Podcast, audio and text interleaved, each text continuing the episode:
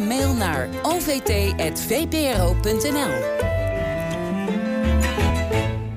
Ineens zijn ze weer zichtbaar. De dolmen van Guadalperón. Ook wel de Spaanse Stonehenge genoemd. Normaal gesproken liggen ze in een meer. Maar door droogte is het meer voor minder dan 40% gevuld. Wat betekent de droogte voor deze monumenten uit de steentijd? We vragen het aan Luc Amkreutz, hoogleraar archeologie in Leiden en conservator prehistorie bij het Rijksmuseum van Oudheden. Goedemorgen, Luc. Goedemorgen. Ja. Uh, vertel om te beginnen even wat, er, wat daar in Spanje precies te zien is. Wat moeten we ons voorstellen bij een Spaans Stonehenge? Ook zo'n mooie grote steencirkel?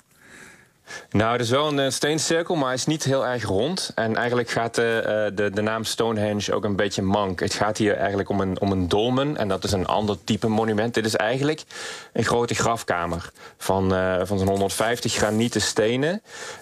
En daar sluit een, een, lange gang op aan, waar ook een aantal stenen van, van versierd zijn. En daar overheen heeft waarschijnlijk een grote heuvel gelegen. En ja, het is dus een grafmonument geweest, terwijl Stonehenge eigenlijk ja, meer een observatorium is voor de, voor de zon Ja, ja. En, en, en een grafmonument voor wie? Weten we wie erin liggen? Nou, dit, dit zijn, uh, um, nou ja, dat dateert zo tussen 4000 en 3000 voor Christus. Uh, het Neolithicum noemen we dat, de nieuwe steentijd. En dit zijn boerensamenlevingen. En je ziet dat uh, rond die tijd eigenlijk een hele zone langs de Atlantische kusten... en onze hunebedden maken er ook onderdeel van uit... mensen hun doden collectief gaan begraven in, de, in dit soort, soort monumenten. Dus het is een, een markering voor de, de, de, de voorouders, voor de overledenen... maar ook van, van land en, en territorium. En het is een steen. Dus het is een, een heel blijvend uh, monument. Ja, nou begrijp ik dat dat meer, hè, waar dat monument nu dus weer boven water komt... door de droogte, dat het een stuwmeer is. Dus ze hebben ooit er bewust voor gekozen dat het monument onder water te zetten. Ja, dat is wel gek, hè? Is, uh, het, is een, het is in 1926 door Hugo Obermeier, een uh, Duitse archeoloog, ontdekt. En die heeft daar een, een beetje onderzoek gedaan. Maar goed, uh, natuurlijk wel naar de maatstaven van die tijd. En volgens mij is in de tijd van Franco in 63 ja, dat stuurmeer daar, stuurmeer daar aan de plaats gekomen. En ja, zijn ze voor het grootste deel van de tijd ligt dat monument dan, dan onder water. En het, het, lijkt er ook op dat het water niet erg goed is voor, voor de stenen. En nou ja, tot, tot degradatie leidt van het monument. Maar nu met die droogte ligt het dus, dus weer een tijd lang boven water. En, en hoe belangrijk is dit monument om. We kunnen het dus nu zien. Um, ja, hoe belangrijk is dit om, om een beter. Is het een belangrijk ding om een beter begrip van die tijd te krijgen, hoe mensen leefden? Wat, wat maakt het cruciaal? Of is het niet cruciaal? Wat maakt het belangrijk? Nou, het is, het is zeker een, een, eh, een indrukwekkend monument... omdat het ook uh, een, een, vrij groot monument is... en uh, redelijk goed bewaard alsnog. En dit moment levert natuurlijk de mogelijkheid op... om met allerlei nieuwe technieken dit, dit heel erg goed in kaart te gaan brengen... en 3D in te meten voor het waarschijnlijk weer onder water komt te staan. Maar ja, het is eigenlijk een beetje de omgekeerde wereld. Want hier komt door, de, door de droogte hè, komt eigenlijk zo'n monument uh, boven water te liggen. Uh, en dat, dat zou je dan als een iets positiefs kunnen zien. Maar eigenlijk is die, die droogte voor een groot deel van de archeologie, ook met name uit die periode in Europa, is eigenlijk funest. Want? En, ja. Waarom? Nou ja, dit, dit, dit, monument is van steen, hè? net als onze hunebedden. Daar kun je heen, uh, die kun je zien. En uh, ja, als er niks geks gebeurt, staat dat over 3.000, 4.000 jaar nog steeds rechtop. Um, maar stenen en ook eh, stenen artefacten, uh, stukken aardewerk, dat is eigenlijk een heel klein deel natuurlijk van hoe de wereld van die mensen er vroeger uitzag.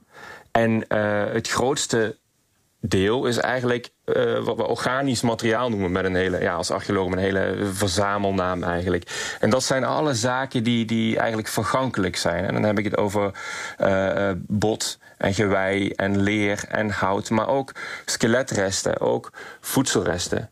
En uh, dat soort zaken blijven eigenlijk uh, perfect bewaard in een bodem, met name als het uh, nou, onder grondwaterniveau is. Mm -hmm. nou, je, je, begrijpt al dat die, die, die droogte natuurlijk daar een enorme invloed op heeft.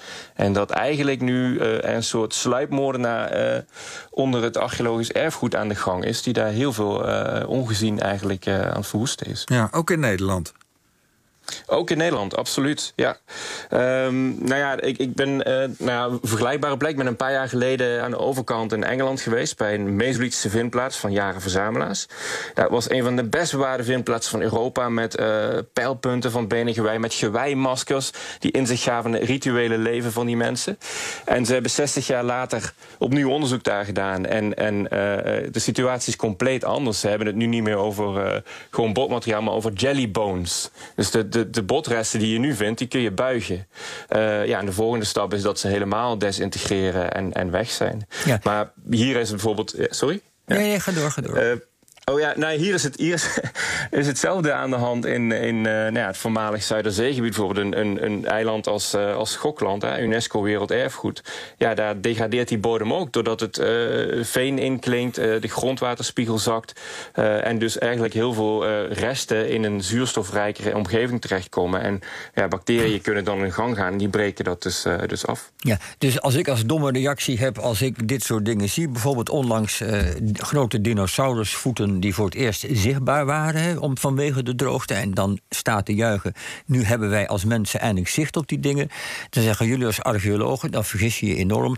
Want we kunnen het er even zien, maar uiteindelijk gaat het allemaal kapot daardoor. Dus dit is ook weer een groot bezwaar tegen de klimaatcrisis uh, vanuit de archeologie gezien.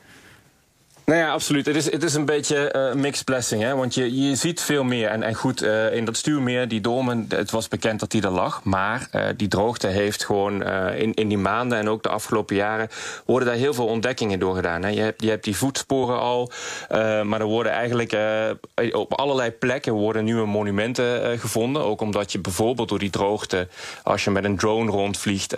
allerlei structuren en sporen in de grond ziet. Doordat bijvoorbeeld de waterhuishouding in een anders is. Hè. Als ergens muurtjes in de grond zitten, zijn de gewassen daarbovenop dor, dor en, en, en geel van kleur. En greppels, uh, ja, dat groeit beter omdat daar dus meer water in, in blijft staan. Dat kun je allemaal zien, kun je documenteren. Langs rivieren komen stukken droog te liggen. Dus ja, je, je, covert veel meer uh, gebied.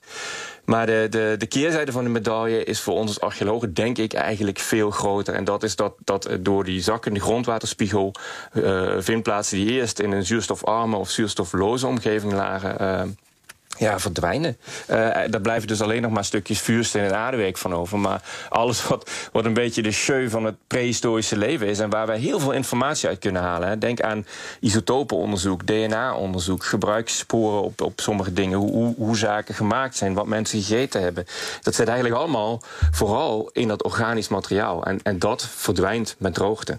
Ja, dus het mag leuk zijn voor toerisme dat het nu uh, boven water is gekomen. Het, het is, uh, boven de droogte water, is, goed zo, Paul. de droogte is slecht voor de archeologie. Uh, Luc Amkreutz, veel dank